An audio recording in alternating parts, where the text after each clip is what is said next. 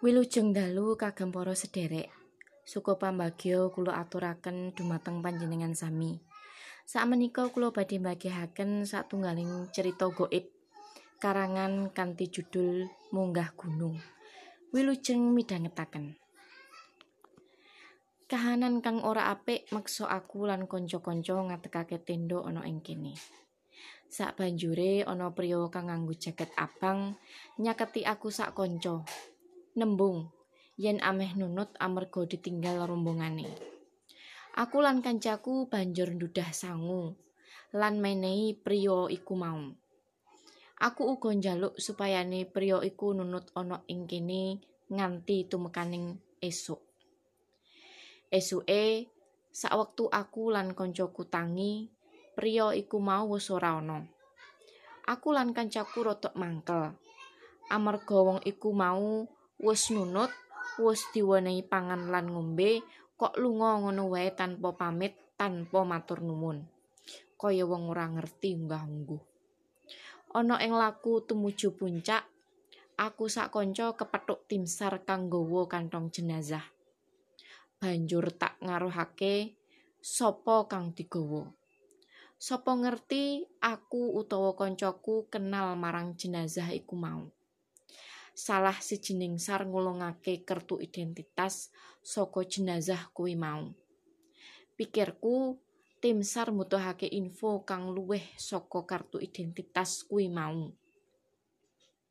Aku lan kancaku loro banjur nyaketake kertu iku ana ing mripat. Ngawasake foto kang ana ing kertu iku lan maca jeneng uga alamate. Sarono Sleman.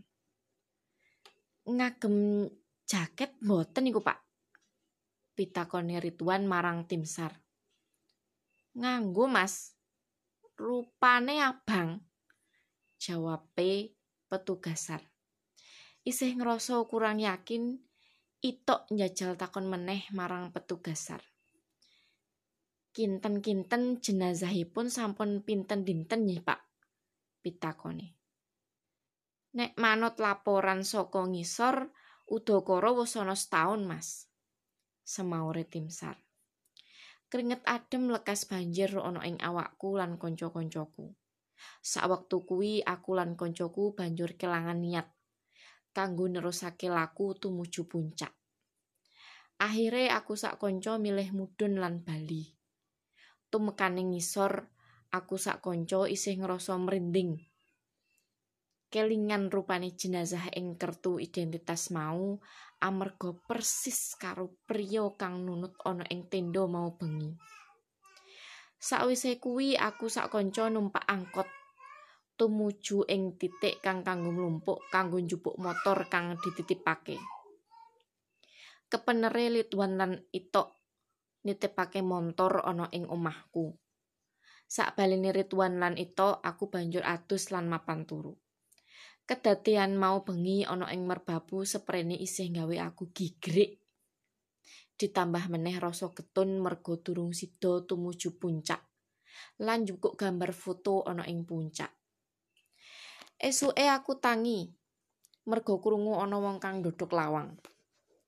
Ananging sakwise tak buka, ora ana wong kang sawang tak jaban ora ana wong kang tak sawang sak njaban lawang.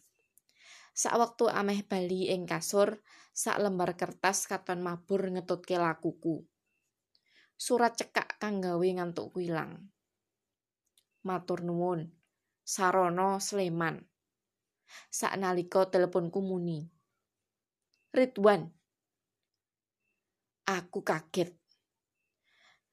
Uh, aku oleh surat atur panuwun saka Sarono Sleman. Iki mau itu ya oleh. Sarono kira nganu to Kang sing sing Oh, oh, iyo, bener, semaurku. Iyo, iku sarono kang manut laporan setahun kepungkur ilang ana ing Gunung Merbabu. Lan jenazahe lagi mau bengi ditemokake. Saiki dheweke lagi lungguh ana ing pinggir kasurku. Ngujeng botol ngombe kang tak wenehake wingi bengi kanggo sangu. Nyun pangapunten, Mas. Kula badhe ngunduraken botol.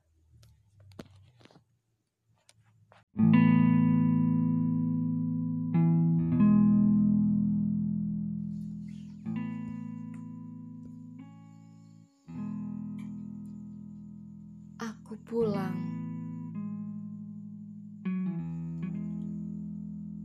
Menebus rindu yang kau simpan rapat di balik beberapa amplop.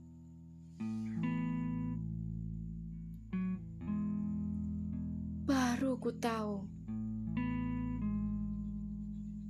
kau simpan suratmu karena tak bernyali ungkapkan rindu padaku.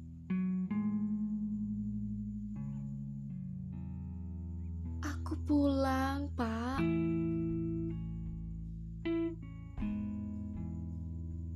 Meski pulangku disambut sepi dan hadirmu hanya sebatas gambar.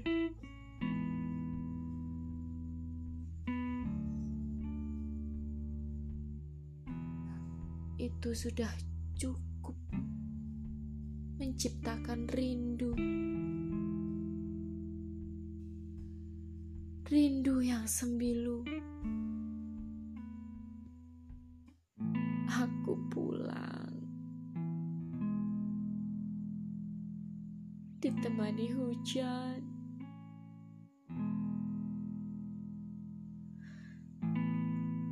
Kan ku antar kau pulang.